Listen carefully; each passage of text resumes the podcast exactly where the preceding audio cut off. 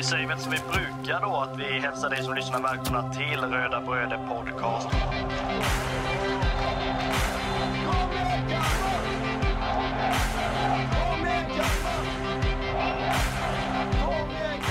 Vi är ju tre bröder som eh, driver en podcast som heter Röda Bröder Podcast. Eh, det är jag, Kristoffer Karlström, och det är min lillebror Marcus och min andra lillebror Andreas.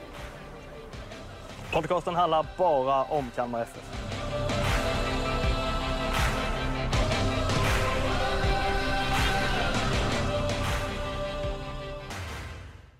Det är måndag den 9 oktober och eh, vi är väl, ja, otroligt, eh, vi hade väl otroligt lätta steg upp idag från sängen va? Eller vad säger du Marcus? Ja, alltså jag, jag vet inte vad det egentligen. Man, jag var väl den igår eh, som kände inför matchen mot Malmö att jag alltså skiter fullständigt i om vi förlorar med 4-0 eller om det blir 0-0 eller vad det blir. Jag vill åka ifrån Guldfågeln med liksom en känsla av att förlorar vi så har de inte fått en millimeter gratis och är det så att vi lyckas ta en poäng eller vinner så ska det liksom vara en sån här äckligt skön seger på något sätt. Och det var verkligen att jag menar matchens i princip sista spark liksom så gör vi en otroligt fin kombination och liksom Malmölaget och ja, alla de, vad de nu var, två, två och ett halvt tusen som var på plats, bara stod och gapade mer eller mindre. Vad, vad var det som hände typ? Så att det är klart, det är klart det var oerhört skönt idag. Eh, så är det ju absolut. Ja, och jag, jag själv, jag känner att eh, det är någon jäkla förkylning eller så här manlig förkylning på gång igen givetvis. Eh, det brukar ju komma smygandes eh, när ens barn börjar på förskolan igen och lite sådana bitar. Men ehm, eh, trots det så, så är man ju pigg efter den här otroligt sköna vinsten som vi, som vi bärgade hem då på Guldfågeln under gårdagen. Eh, alltså om vi ska prata mina förväntningar och mina känslor innan matchen så eh, ska vi väl vända, vända oss till de som finns i min närhet och att man, ja, alltså det var ju känslorna utanpå kan man ju lugnt säga innan matchen och kanske veckan innan också med tanke på allting som som var liksom runt matchen och, och fokuset på det, att eh, det var återkomst för tre stycken eh, som numera har eh, himmelsblå tröjor på sig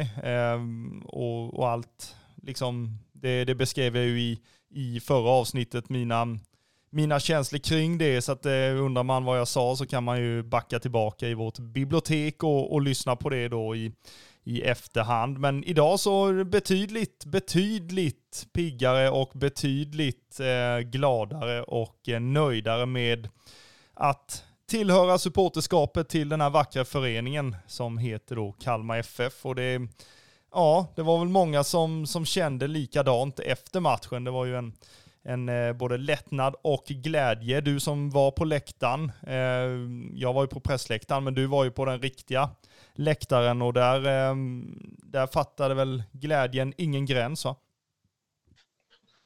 Nej, alltså det jag kände från början var väl att det liksom var man kände på något sätt, alltså det, jag vet inte, det var någon känsla i, i hela inramningen att alltså Malmö var oroliga, liksom, fick jag en känsla av. De, de, ja, nu höll jag på att säga att de lät nästan mer på uppvärmningen än vad de gjorde under matchen. Det kändes verkligen som att det enorma trycket som liksom Malmö som bortapublik brukar kunna bjuda på. Jag känner inte alls igen dem och då har vi väl jag vet inte hur många matcher vi har sett när Kalmar har mött Malmö på hemmaplan, men det är ju, ja, det är ju x antal sådana. Och då, man kände nästan det att men det här kommer bli 0-0.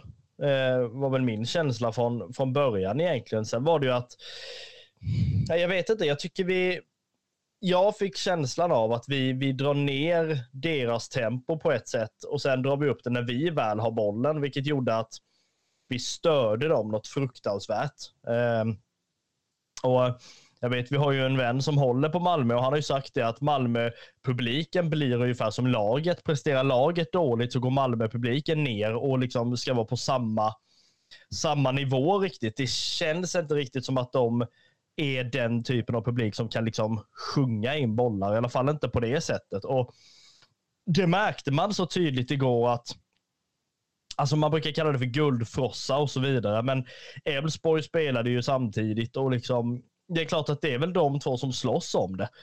Så att jag vet inte, det var väldigt, väldigt alltså underlig stämning liksom och jag var väl alltså beredd på det ena med det femte. Dels då att det skulle bli ett himla liv liksom för att, för att Rydström var på bänken, men samtidigt så blev det ju mer fokus på oss själva, mer fokus på Henrik Jensen och allt det. Liksom. Och sådär. Jag var ju på matchen igår, dels med min sambo och sen med, med min guddotter. Och det är klart att då är man alltid så här nästintill utsåld arena. Man vet att det är bortapublik som bränner mycket. Det är mycket bengaler, det kan komma smällare och allt möjligt. Men det var liksom, alltså det var ju ingen skillnad eh, alltså på inramningen om det var Malmö som var där eller om det var ja, nu höll jag på att säga BP som kom. Alltså jag, jag tror ni fattar vad jag menar, ni som var där. Att det kändes inte som att vi var så överkörda plötsligt, alltså i läktarkampen, utan det var man trodde på det. Det var som att hela arenan hade gått in och känt att vi, vi har ingen chans på guld i år. Liksom. Vi kommer förmodligen inte ta någon, fjär, någon tredje plats heller. Kanske har vi chans på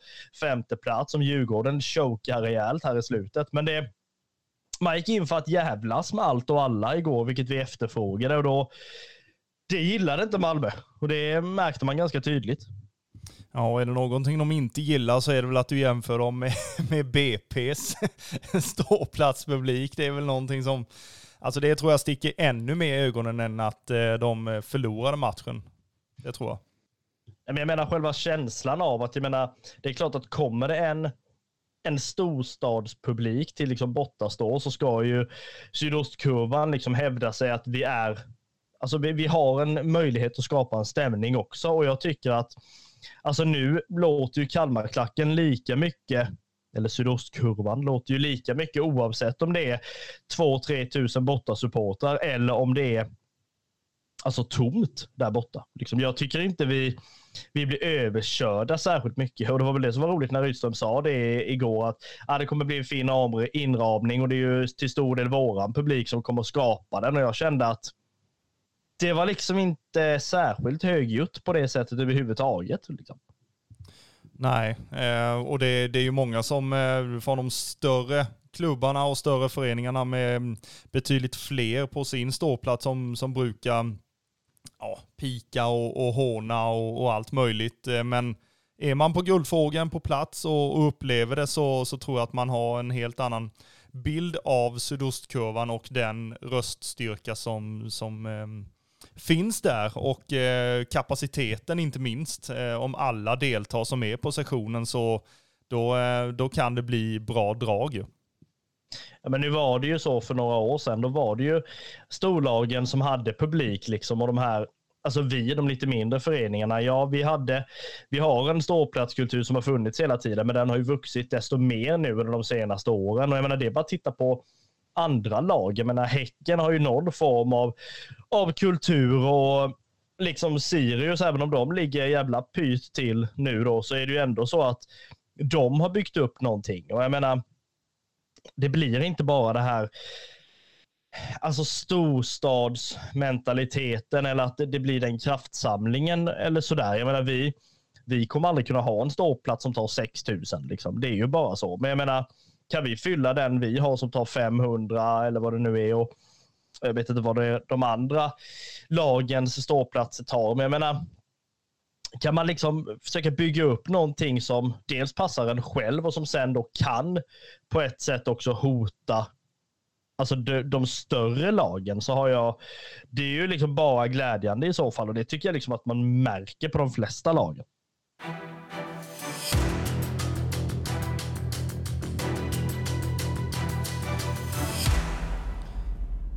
Vet inte vad du säger, men eh, ska vi dyka rätt in i, eh, i matchen och matchernas händelser under gårdagen? Ehm, om vi börjar med, med startelvan så, så var det väl en, en startelva vi har känt igen från de tidigare matcherna. Ehm, det var ju inte en enda eh, förändring egentligen va? Jo, förutom att Melke Hallberg var på bänken och ehm, Net Romario kom ju in i, i hans ställe ju. Eh, och man, man ställde ju upp med en, en 5-2-3 uppställning egentligen. Eh, med, med två stycken wingbacks i Karlsson och eh, eh Netta Bayo.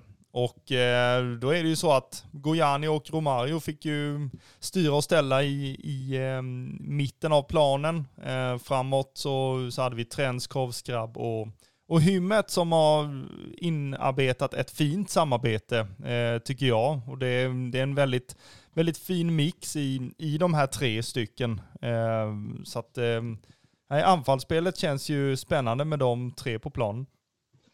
Ja, och det är ju så jävla pass att det kommer nu i liksom slutvisslan eh, av allsvenskan nu. Liksom. Man vet ju aldrig hur det ser ut när, när vi börjar där och fryser ihjäl i januari på gasten igen. Men det är väl det är väl klart, jag menar, det är en sån här, den här är väl egentligen den starkaste elvan vi kan ställa på, på planen. Jag menar visst, man kan flytta Netabay och in med Hallberg och så vidare också. Och sen, så. Men jag tycker backlinjen är väl egentligen den starkaste vi har. Eh, Johan Karlsson har har ju verkligen plockat alltså sin plats och han spelar med en annan attityd. Eh, I alla fall utåt sett, eh, vad det ser ut som jämfört med, med Axel Lindahl. Och då är det det är liksom i en sån här match då mot Malmö, då krävdes det också att vi hade de spelarna som alltså helst alltså spelar som ett storlag nästan då med den här enorma stoltheten liksom och köra över mentaliteten på ett sätt och då är det då är det ju det som krävs. Ehm, sen är som sagt är det ju lysande att både Trenskov och Skrabb och Hymmet har hittat någon form av av samarbete där nu när, när det börjar liksom, höll på att säga lacka mot jul, men det gör det inte riktigt än. Nej, och tacka gudarna för det höll jag på att säga, för det betyder att det kommer snö och allt möjligt och det har vi, det har vi inte tid med än så länge i alla fall. Eh, men eh, ja, om, om jag ska sammanfatta det lite till en början i alla fall så är det ju att eh, ja, vi stänger ju ner Malmö på ett, eh, på ett fint sätt i inledningen. Det känns ju som att vi kommer ut med en, med en jäkla energi alltså. Eh, och ehm, det är, jag tror att Ja, jag undrar vad, vad Jensen sa till spelarna innan matchen. Eh, det hade man ju velat, velat se och det, det kanske kommer eh, i något av de här avsnitten som som eh, föreningen släpper då i den här känslan som finns inuti serien när man får följa lite bakom, bakom kulisserna vad som händer i, i föreningen och i spelarnas vardag och lite sånt där. Men eh, det hade ju varit grymt intressant att veta för med den energin man kommer ut mot ett Malmö FF som, som jagar guld eh, och, och kommer med alla sina stjärnspelare och två etage och, och hela skiten så, så känns det som att det skiter ju de rödvita i vilka det är som står på andra sidan. jag blev så förvånad när man fick se att eh, Discovery hade gjort ett, eh, ett litet reportage då om dels Jensen och sen hur vi ville spela och det och där, Där det liksom nästan avslöjas att ja, men här kommer ytorna vara mot Malmö och så här kommer det se ut. Jag blev lite orolig och kände att aha, nu har ju Malmö all världens chans att ändra på det här. Det är ju skillnad om om du lägger ut det i samband med matchen när de ändå håller på och värmer upp liksom i tv-rutan. Men det, när det väl kom nu dagen innan till och med, om man kunde kolla på det, så var jag helt säker på att ja, nu kommer Malmö att ha ändrat bara för att de fick det här så jävla gratis. Men sen när man väl sitter där så ser man att precis en sån situation som eh, alltså som våra assisterade tränare drar upp där sen och det här, de här ytorna kommer att komma mot Malmö. Ja, visst fan gjorde de det grymt scoutat måste jag ju säga. Eh, och det, det, är väl till stor del Tobias Erikssons förtjänst som eh, scoutar motståndet. Alltså väldigt detaljerat alltså måste det ju vara. Så att eh, nej, det, de myterna såg vi ju rätt tidigt att det, att det skulle finnas, speciellt bakom deras, deras wingbacks och, och ytterbackar då till exempel. Och, och deras, deras mittbackstrio var väl inte landets snabbaste va?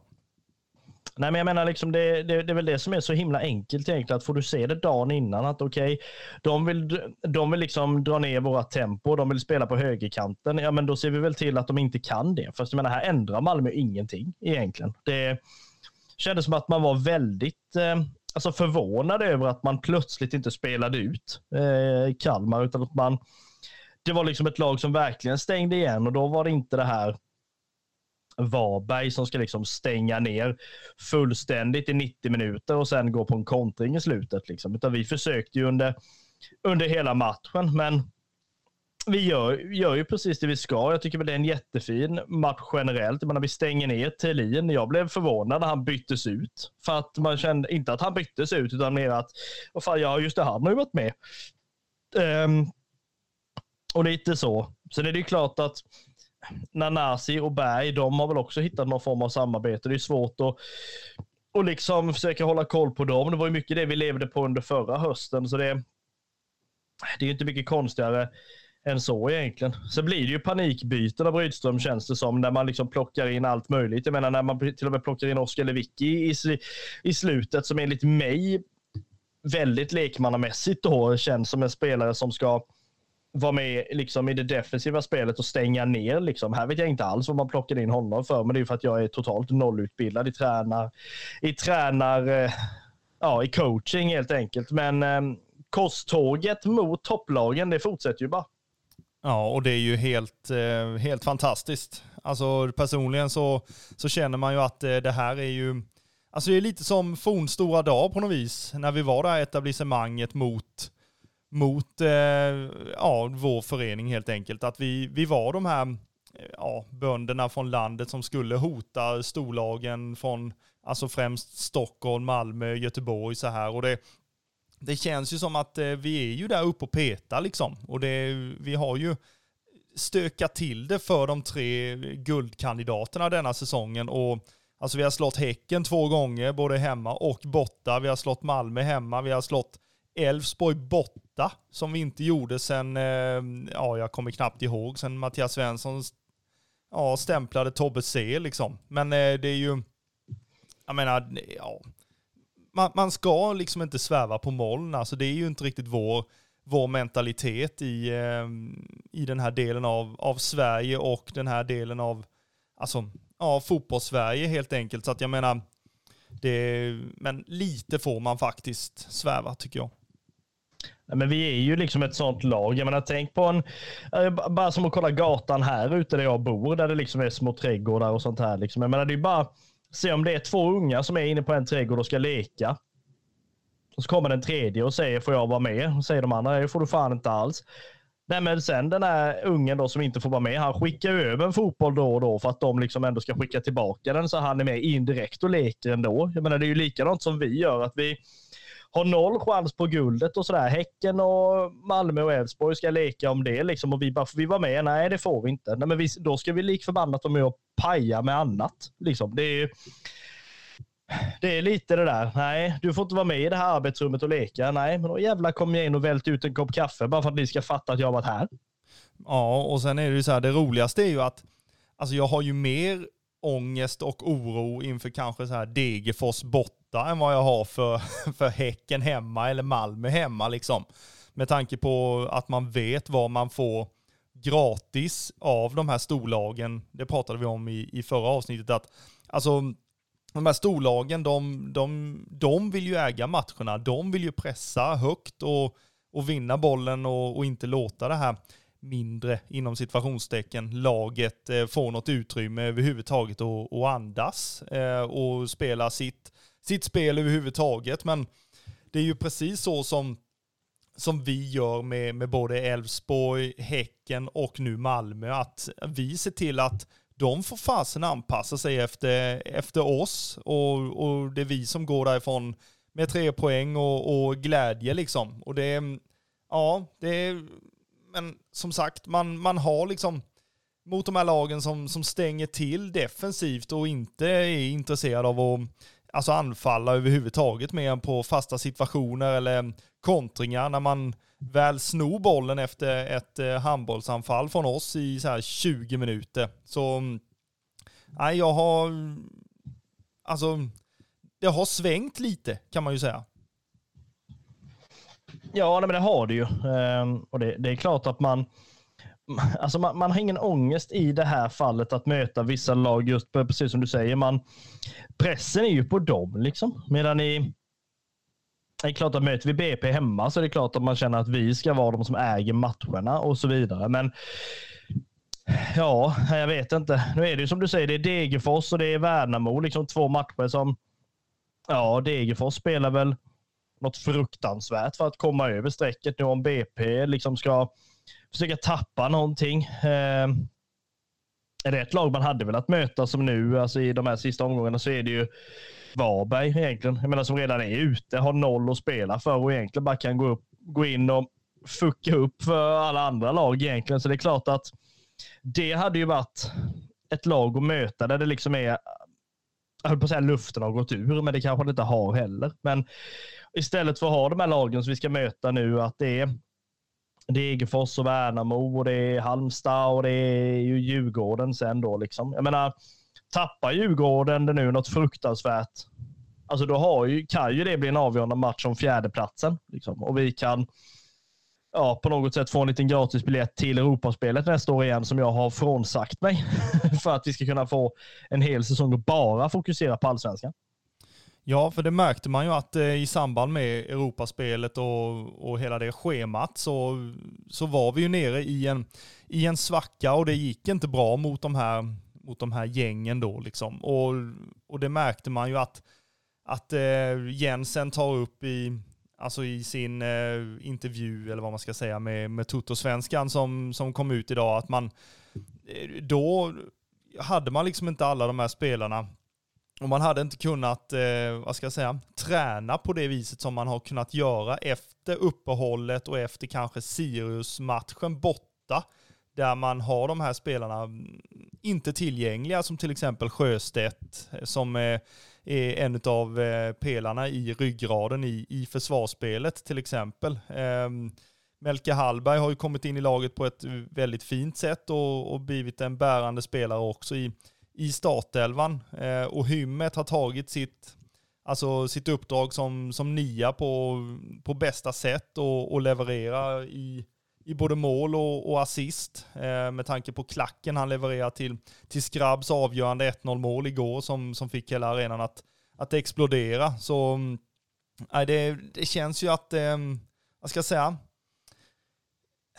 nu, nu spelar man ju som man, som man vill göra och har velat göra hela säsongen. Men det har ju funnits lite anledningar till att man inte har kunnat det då innan.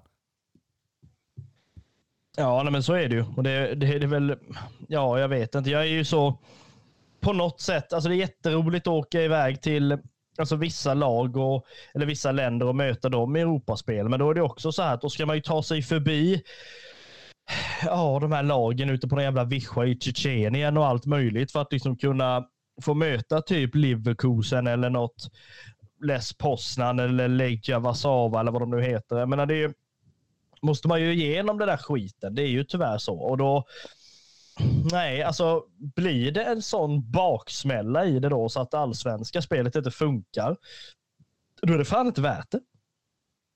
Nej, det är det inte. Det är det verkligen inte. Eh, fokusera på, på allsvenskan, det, det tycker jag är, är huvudsaken. Eh, och huvudsaken i, i Malmö spelar om jag gör en så här snygg koppling. Det var ju att eh, man ville komma åt ytan bakom Gojani till exempel. För man har ju sett att när eh, när motståndarna spelar upp bollen centralt så är ju Gojani som en jäkla igel alltså. Vilken kille det är och ingen respekt överhuvudtaget vem det är. Utan han är, han är där och han smäller dit i ryggen och han eh, visar att eh, här ska ni fasen inte spela upp bollen.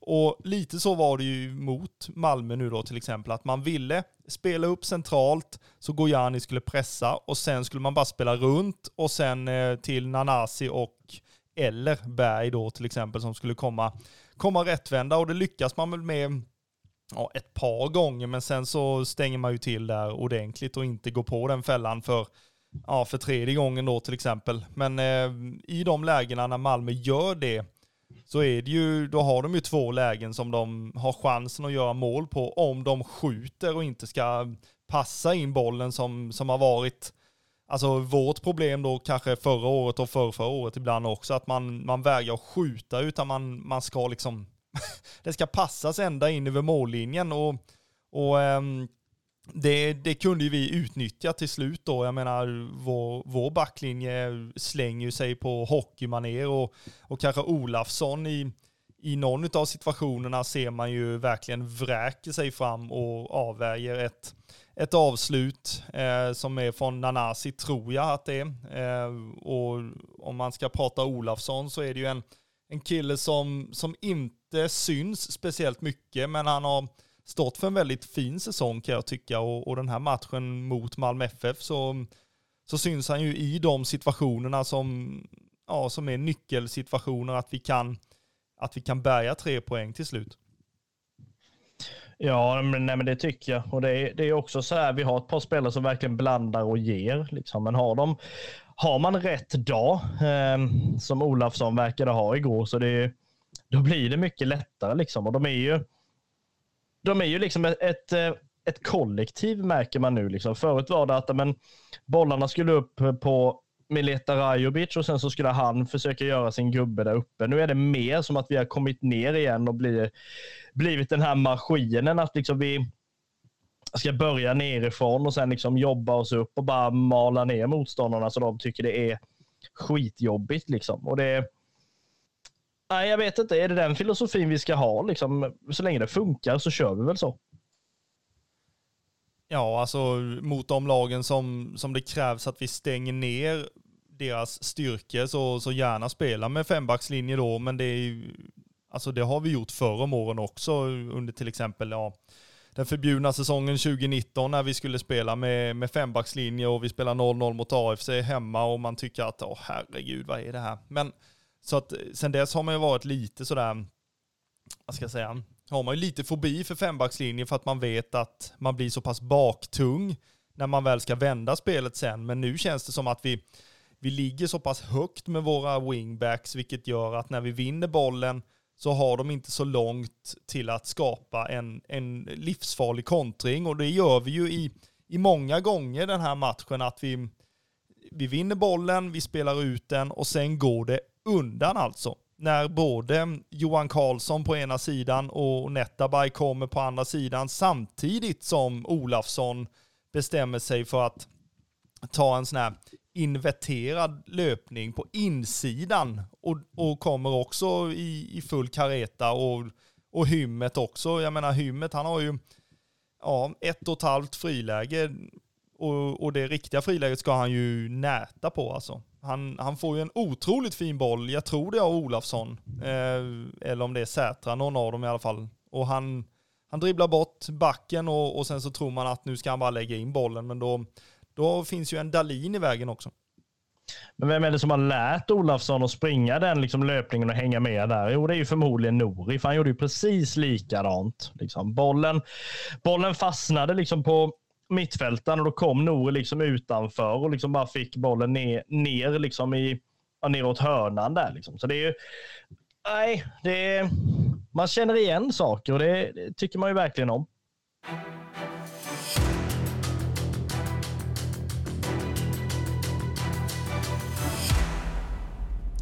När vi ändå är inne på lite spelare som, eh, som ska ha pluspoäng i den här matchen så ehm, kan vi ju gå igenom matchens röda brödespelare och det blev ju matchvinnaren Simon Skrabb. Ja, det är ju väldigt enkelt att sätta en eh, röda brödespelare på den som avgör matchen. Liksom. Hade det varit, jag tror Simon Skrabb hade fått liksom den här utmärkelsen även om, ja, om någon annan hade gjort målet egentligen med tanke på att han han har blivit en sån spelare som väldigt mycket ska gå.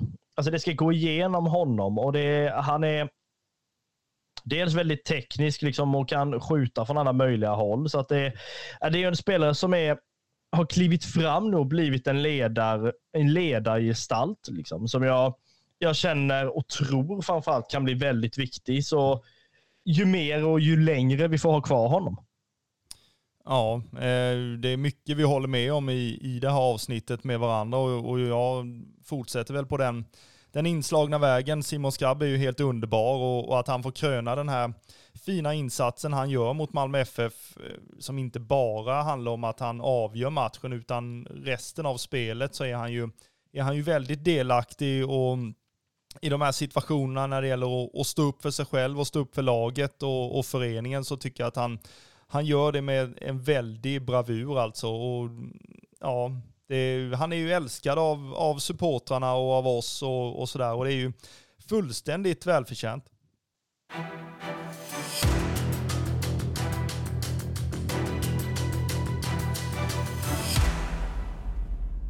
Innan vi släpper matchen så måste vi ju nämna att vi fick ju chansen att träffa två stycken spelare nere i eh, den mixade zonen på, eh, på Guldfågeln efter matchen och eh, då är det ju Noah Chamoun och Robert Gojani som vi kommer att få lyssna till och Noah Chamoun ger ju en liten eller han uttalar sig i alla fall lite grann om, om sin framtid när han får frågan om sitt utgående kontrakt. Så att det är ju en liten liten cliffhanger vi kan eh, ha nu innan ni får lyssna på de här båda intervjuerna.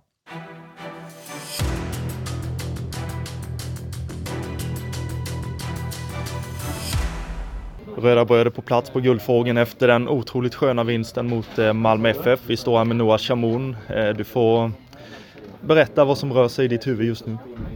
Eh, ja, underbar känsla. Eh, finns inte skönare söndagar än dessa. Eh, nu är det ju tredje topplaget som, eh, som ni slår helt enkelt. Eh, tankar kring det? Det visar bara hur bra vi är.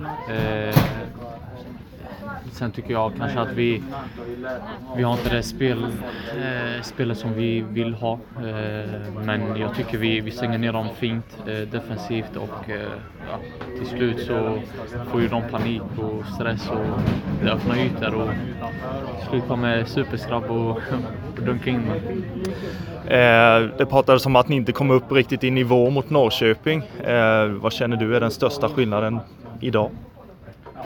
Eh, det är väl... Eh, jag menar, det, det är Sveriges bästa lag. Eh, jag tycker vi, vi är alltid bra på hemmaplan. Eh, jag tror det är det mesta vi har haft nu detta året eh, publikmässigt. Så vi har allting på vår sida och det är bara liksom bara vänta tills Malmö eh, öppnar upp sig och tar vara på chanserna där. Så jag, det är svårt att säga från Norrköping-matchen men eh, jag skulle nog säga att vi gör mycket bättre idag än eh, mot Norrköping. Eh, du fick ju inleda på, på bänken idag eh, och fick hoppa in. Eh, hur ser du på din egen insats idag?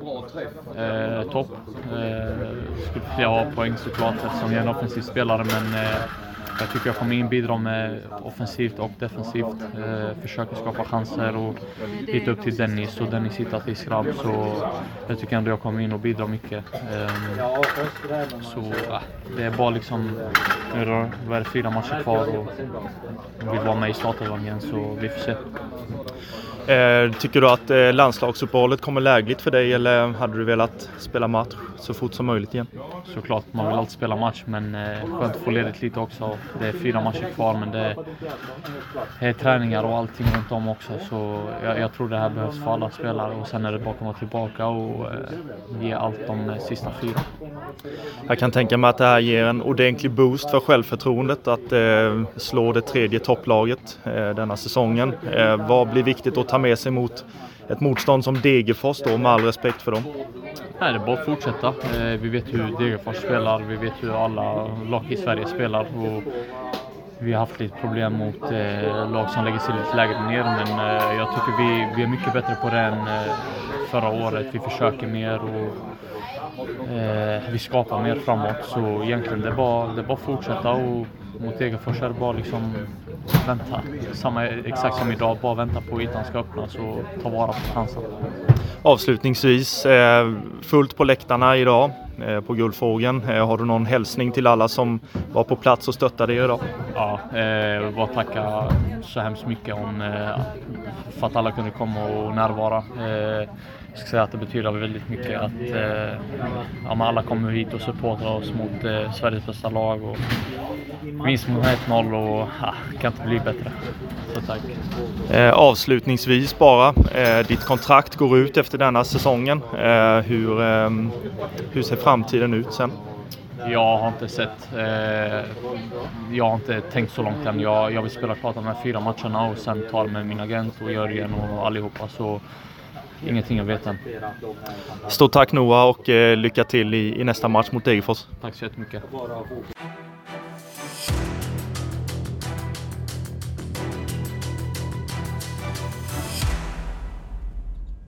Eh, om vi ser till mo- eh, matchen mot Norrköping kontra idag, eh, vilken är den största skillnaden insatsmässigt? Eh, Ja, vi var väl lite mer på tårna eh, från, från minut ett, tycker jag. Sen gjorde vi också några, några simpla misstag den här matchen som hade kunnat eh, stå oss dyrt, men, men eh, det är två helt olika matcher. Eh, sen spelar vi på ett konstgräs där uppe som går mycket snabbare också. Eh, men eh, jag tycker att vi var eh, vi höll matchplanen eh, idag och det, och det gav oss eh, poängen. Det är fyra matcher som återstår denna säsongen. Eh, vilken målsättning har ni inom, inom gruppen de här fyra sista? Vi, vi har inte riktigt pratat om det utan, utan det är liksom eh, det är från match till match egentligen. Alltså vi, vi går in för varje match för att vinna den. Eh, sen, sen är det ju, vi vill ju så högt upp som möjligt. Vi, vi kollar ju på fjärdeplatsen. Det, det är självklart den vi vill åt, den vi kan åt. Eh, så det, det är där, det är där vi, vi kollar, eh, eller jag kollar. Eh, och sen får vi se vart, vart vi landar. Jag kan tänka mig att den här matchen när man vinner mot den tredje topp, topplaget här säsongen eh, och sen ska man möta Degerfors efter landslagsuppehållet. Eh, vad blir viktigt att, att ta med sig från den här matchen in i Degerfors? Eh, det viktigaste är väl att, och det, det har vi pratat om, vi, vi vet att vi har de här, alltså som jag sa innan, vi, vi vet att vi har de här topparna. Sen, sen gäller det bara att bli liksom, stabilare över tid. Eh, inte få höga toppar och djupa dalar utan, utan att fortsätta liksom vinna, vinna matcher mot lite enklare motstånd om det, alltså, men, men eh, bara hålla nivån hela tiden i 30 matcher. Det är väl, det är väl dit vi vill åt. Eh, Spiken annonserade att du var matchens lirare på eh, rödvita sidan idag. Eh, hur ser du på din egen insats idag? Nej, men jag tycker jag gjorde det stabilt, eh, men idag var en, verkligen en laginsats. Eh, Och det har det varit. De här tre vinsterna vi har haft mot topplagen. Vi, vi, vi är inte det laget som kanske har de eh, spelarna som gör allting själva utan vi, vi behöver laget. Och så det var stabilt men det är laginsatsen. Och tillsammans då med ett fullsatt eh, Guldfågeln Arena idag. Eh, har du någon hälsning du vill skicka med till alla rödvita som var på plats och följde er idag? Mm, verkligen. Mm, tack för, för inramningen, tack för stödet. Eh, jag hoppas att de förstår hur mycket det betyder för oss och hur mycket vi pratar om det. Eh, för att det, är magiskt när det är så mycket folk som, eh, som är här på oss på hemmaplan. För vi vet att vi är starka. Avslutningsvis, eh, kommer landslagsuppehållet lägligt för dig personligen eller hade du velat spela match redan i imorgon kanske? Nej, alltså vi, vi vill ju spela match eh, så snart som möjligt. Så är det. Vi, vi känner att vi är inne i ett eh, stim nu. Och det är klart att det är klart att man kan ju behöva lite, lite vila också. Men, eh, men eh, vi, vill ju, vi vill ju spela matcher. Så är det ju. Eh, vi tackar Robert Gojani och önskar lycka till i nästa match mot Degerfors. Tack så mycket.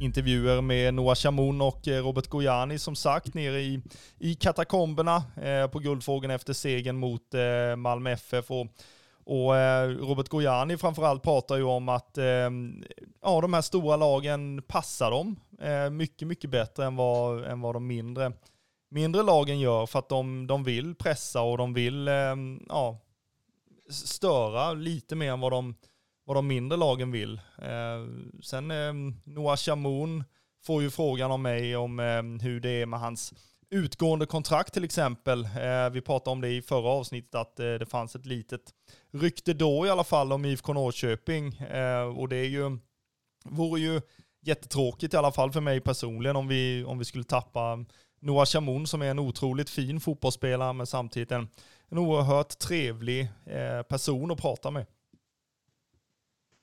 Ja, nej, men så är det ju. Eh, sen är det ju så här med att man, alltså man, man har ju lärt sig det, att man ska inte fästa sig vid vissa spelare för för mycket. Jag vet inte vem det var som, som pratade om det här. Det var någon sändning någonstans eh, i något universum där jag hörde detta. att Man ska inte fästa sig för mycket kring vissa spelare för de ska vara alltså så bra så att de passar i allsvenskan. Men de ska inte vara så pass bra att de blir för bra för allsvenskan, för då får vi aldrig behålla dem. Det ska liksom vara sådana här halvmellanmjölksspelare liksom som ingen bryr sig om. Jag bara säga. Men då blir det liksom inte att man behöver vara rädd för att ja, nu är du så jävla bra så nu kommer du flytta då. Ja, det, och jag menar det har man ju lärt sig, eh, precis som du säger, att eh, alltså spelare och ledare de eh, kommer och går, men eh, föreningen och eh, supportrarna består. Det är väl ungefär det man får det man får förhålla sig till helt enkelt med tanke på dagens eh, läge i, i fotbollsvärlden och i fotbolls-Sverige också då framför allt. Och, och det är ju inte, eh, jag tror jag sa det, jag, jag fick ju skjuts av av eh, fassan till, eh, till matchen igår och vi, vi pratar ju om, om det här med trotjänare, att det, det finns ju typ inte längre eh, i de här i, i de här dagarna vi lever i nu. Eh, och det är alltså man tänker på Totti till exempel som var i Roma i ett helt liv och man tänker på ja, Rydströms spelarkarriär i Kalmar FF till exempel som var det i över 20 år också. Men alltså det finns ju ingen, varken spelare eller ledare i, i, liksom, eh, i den positionen som, som är i, i, de, i de åren liksom. Nej, jag, jag vet inte riktigt vad det är som har har gjort det. Alltså, vissa spelare hade väl kanske inga val egentligen. Och man var väl ganska bekväm i vad man var. Eller sådär. Medan, medan man nu då känner att men, för vissa spelare så blir det egentligen mer och mer som ett jobb istället. Att du ska vara på en plats, göra ditt jobb där, så ska du vidare till någonting annat. Liksom. Det är bara att se vissa spelare som har varit i men, sex, sju klubbar. Liksom. Eh, så då blir det ju gärna så. Men eh, nej, jag vet inte. Det är väldigt svårt tror jag att få någon sån här ja, Totti, De Rossi, Buffon. Jag vet inte vilka mer det är som har hängt med. Eh, eller så här. Det är väl just att man får försöka behålla dem från, från de yngre leden. Men jag menar, då är ju redan alla akademier runt om i, i Europa där och river i dem. Liksom. Ja, det är ju så. Eh, och eh, det kan man ju Alltså nu ska vi inte blanda in allt för många andra lag här, men det är, det är ju lite så till exempel BP's eh, stora problem att deras, deras stora talang eh, drar ifrån deras förening innan de ens eh, når B-laget. så, att, eh, så sen är ju de, de väck och då får man liksom ja, leta lite andra vägar trots att man alltså har en av Sveriges bästa akademier och inte kan få till ett så ett så pass eh, slagkraftigt lag på det viset. Eh, jag vet inte om ni hängde med på den, på den lilla svängen eh, runt Grimsta där.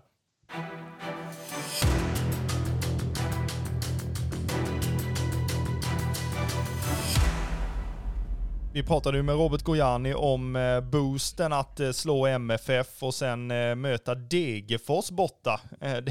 Det är ju en helt annan match, en helt annan inramning, en helt annan, alltså, ja vad ska jag säga, ja helt annan match helt enkelt. Jag vet inte hur, så spontant bara, vi kommer ju att släppa ett avsnitt nästa vecka där vi kommer fokusera bara på Degerfors matchen, men spontant så här, vad, vad känner du inför Degerfors efter en seger mot Malmö FF? Fy fan, ungefär. Alltså det Nej, det är ingenting, helt ärligt, som lockar. Ehm, det enda som på något sätt hade kunnat locka att åka upp till Degerfors, det är väl just att, att försöka vinna den matchen mot det här gänget som är så fruktansvärt tråkiga. Alltså det är, jag vet inte vad. Jag menar man, Ja, nej, helt enkelt. Jag, jag vet inte riktigt vad jag ska säga kring det där, mer än att det är ingenting man längtar till. Alltså jag längtar mer till Halmstad, Halmstad borta om jag ska vara ärlig. Och då kommer den matchen förmodligen inte betyda någonting. Nej, men samtidigt så, så känner väl jag att alltså jag har lite mm, alltså småångest inför Degerfors, precis som jag sa innan, att mm, de är ju de kommer ju vilja förstöra för oss eh, så mycket det bara går och ligga lågt och sen ja, när de väl vinner bollen så då kommer de försöka att kontra på oss och det är, ja, det blir skitviktigt att man ser matchen mot Degerfors ur spelarögon på samma sätt som man ser Malmö FF-matchen i, i liksom inställning, i mentalitet, i, i allting. Jag menar det åker supportrar från, från Kalmar till Degerfors och det ryktas om en storbuss från Stockholm också med den falangen. Så att, jag menar det är, de kommer ju få ett, ett stöd på plats som är, är värt att, att spela för och kämpa för. Så att eh, ja, alltså utgångspunkten måste ju vara att det, det, ska liksom inte spela någon roll om det är Malmö FF eller Degerfors som står på andra sidan, utan man ska bara liksom mata på och, och vinna matchen och, och göra en, en fin prestation. Jag menar, har man nu då sett till att Malmö inte är avhängda, absolut inte. Det här kommer avgöras i sista matchen. Liksom när vi sitter där och myser hemma mot Djurgården så kommer det avgöras mellan Malmö och Elfsborg. Det, det är jag rätt övertygad om faktiskt. Men Alltså har man då sett till att det skakar lite i Skåne nu då? Ja, men nu ligger Degerfors på nedflyttning. Liksom. Se till att de fortsätter ligga där. Liksom, hjälp inte dem på något sätt överhuvudtaget. Liksom, vi, ska inte, vi ska inte ge någon någonting gratis egentligen. Och då, då handlar det inte bara om Degerfors. Liksom. Jag tycker varken mindre eller mer om Degerfors än om något annat lag, eller på att säga, så att ni inte tror att jag total hatar på Degerfors. Uh, eller så. Men eh, som sagt, ingenting gratis liksom, till någon överhuvudtaget. Jag menar, ligger Halmstad på kvalplats och vi möter dem sen. Men inte fan ska vi hjälpa dem heller då. Nej, vi kan ju störa både uppe och nere. Eh, vi kan blanda oss in i, i både guldstrid och, och bottenstrid utan att ens vara där tabellmässigt. Men möta de lagen som, som ligger där och göra livet eh, riktigt surt för dem. Och det, det ska vi ju bara gå in och, och njuta av och, och få göra ju. Ja, nej, men det tycker jag. Ehm, så att jag menar, nej. Det är något uppehåll här nu där Sverige ska spela mot Moldavien och så ska de spela borta mot Belgien i en match som också är totalt värdelös eftersom att vi inte kommer kunna gå. Ja, vi kommer väl knappt. Eh, jag säger bara det, vi kommer inte gå till EM så det är lika bra att vi inte spelar det skiten överhuvudtaget. Så att jag menar det. Och jag menar, jag fattar inte så onödigt med landslagsuppehåll, men vad är det, fyra matcher kvar? Kan vi inte bara få avsluta den här skiten? Det är som att i slutscenen i liksom Sagan om konungens återkomst för er som är med, när liksom de här hobbitarna ska åka till det här landet där de aldrig kan dö sen mer eller mindre. Jag menar, då jävla pausar man i bion för det ska vara pissepaus. Jag menar, låt oss se de sista tre minuterna. ja, det, det, det kan man ju det kan man ju tycka både vad man vill om givetvis. Eh, och, alltså Sagan om ringen i, i sig, vilket jävla mästerverk. Det, det måste man ju understryka. Och allra helst den, den sista filmen. Men jag håller med dig om att alltså, man vill ju verkligen veta vad som, vad som händer de där tre sista minuterna som man inte, som man inte alls får se ju. Man har ju suttit i tre timmar och 17 minuter, precis som nu. Man har suttit sen i, vi mötte Malmö i april och man vill egentligen bara nu, nu avslutar vi den här säsongen på ett bra sätt. Nej, då tre timmar och 17 minuter in av de här tre timmar och 20 minuterna, då ska man ta paus. Totalt värdelöst. Helt värdelöst. Ja, och totalt värdelöst är det väl att, att se landslaget just nu också i, i den bemärkelsen. Så att eh, du hade koll på vilka vi, vilka vi möter. Jag kan säga och fullt ärligt att jag hade inte en aning. Hade någon bara frågat mig så här, vilka möter Sverige nu i ja, den här veckan då som kommer? Jag bara, inte en blekaste aning. Ge mig allsvenskan. Jag skulle faktiskt gå in och kolla om det fanns möjlighet att köpa biljetter till damernas nästa Nations League-match. Liksom, och då ramlade man ju över herrlandslagets ja, matcher mot både Moldavien och ja, Belgien. Och... Ja, det, det var ju en fin, fin ursäkt. du kanske hoppas att vi går till EM så att det blir lite fler uppehåll? Eller? Det kommer ju vara uppehåll i alla fall eftersom att vi har så mycket internationella spelare i allsvenskan. Så det lär det ju vara i alla fall. Ja, det är klart ju. Men eh, om vi alltså, skiftar lite fokus efter, efter jinglen här så eh, får ni reda på vad det handlar om.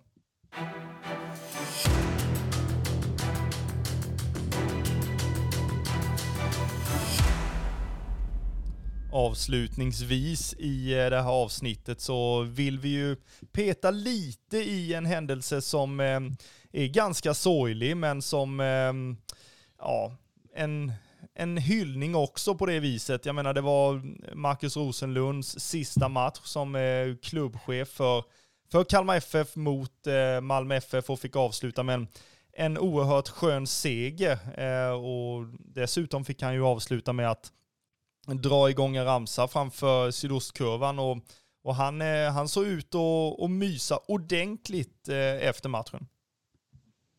Ja, men det tror jag. Eh, absolut. Jag menar, ja, man kan säga vad man vill egentligen om att alltså klubbchefer och sportchefer och så vidare. Men det här är ändå en, en person som har gått in helhjärtat i det. Liksom. Jag menar, med tanke på de vi hade på de stolarna innan han kom in så det är klart att han blev ju lämnad med ett, ett jävla kaos. Liksom. Och sen då att kunna vända det på ett sätt som han har gjort till liksom att det är gröna siffror och det är liksom det ena med det femte. Det är klart att det är liksom betyder ju sjukt mycket eh, och jag tror att man han kommer bli ihågkommen eh, som liksom en ja, vad ska jag säga, en person som verkligen alltså, tog sig tiden också. Jag menar i en sån här situation med där det sker avstängningar för alla föreningar med supporter och så vidare. Men liksom att då att öppna liksom dörren, att men, vi pratar om det då. Så får ni veta vad vi måste göra och så vidare. Likadant som att ja, men,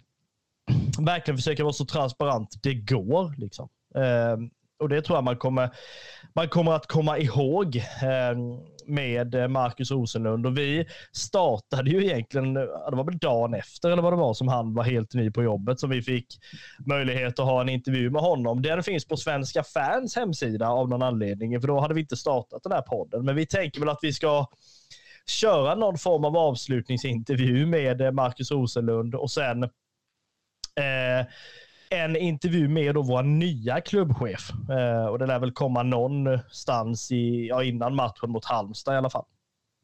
Så kommer det absolut bli förhoppningsvis. Eh, Marcus Rosenlund, han, han står ju för väldigt mycket som alltså, man vill att en förening ska stå för. Eh, jag menar en, en transparens, precis som du säger, en öppenhet, eh, en, en stolthet över ens eh, förening också. Och jag menar, det han har gjort med, med den här föreningen, det, det är en, alltså bragdguldet till honom tycker jag med tanke på hur det såg ut när han, när han tillträdde, precis som du var inne på också. Att, ehm, och jag menar, ska vi dra en parallell till till eh, Sagan om ringen-trilogin som du började med så kan man ju säga att i, i sista filmen, ni som är med på det här, eh, sista slag, eller inte sista slaget, men eh, vid Minas Tirith till exempel då, eh, där det ser som allra mörkast ut, så kommer det en, en grön armé och, och bara liksom skövlar över alla problem och sen så är det, är det ljust igen. Så att eh,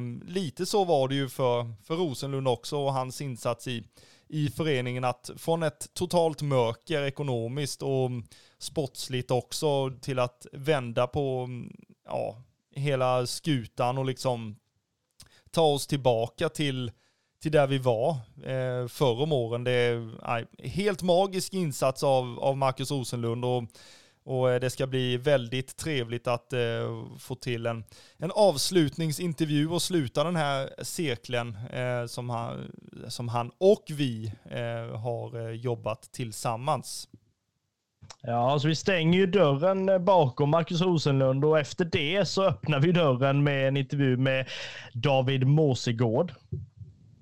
Som också kommer att bli intressant och eh, spännande att, eh, att följa eh, och kanske framförallt höra hur, hur han ser på föreningen och eh, vad som behöver, behöver förbättras eller vad han ser att han att han ska kunna komma in med för, ehm, för syn och mentalitet och, och hela den biten. Men det, det, är en helt annan podd, helt, annan av, helt annat avsnitt. Ehm, nu gläds vi åt de här tre otroligt sköna poängen mot eh, Malmö FF eh, och ehm, bara man njuter under landslagsuppehållet och oavsett om man tittar på det eller inte. Men då har man i alla fall Simon Skrabbs mål man kan titta på hur många gånger som helst eh, på de sociala medierna. Så eh, gör det så kommer vi att eh, komma tillbaka nästa vecka och fokusera på eh, Degerfors-matchen på bortaplan. Missa inte det. Eh, Koffe och Marcus, vi stänger den här butiken och eh, säger på återhörande.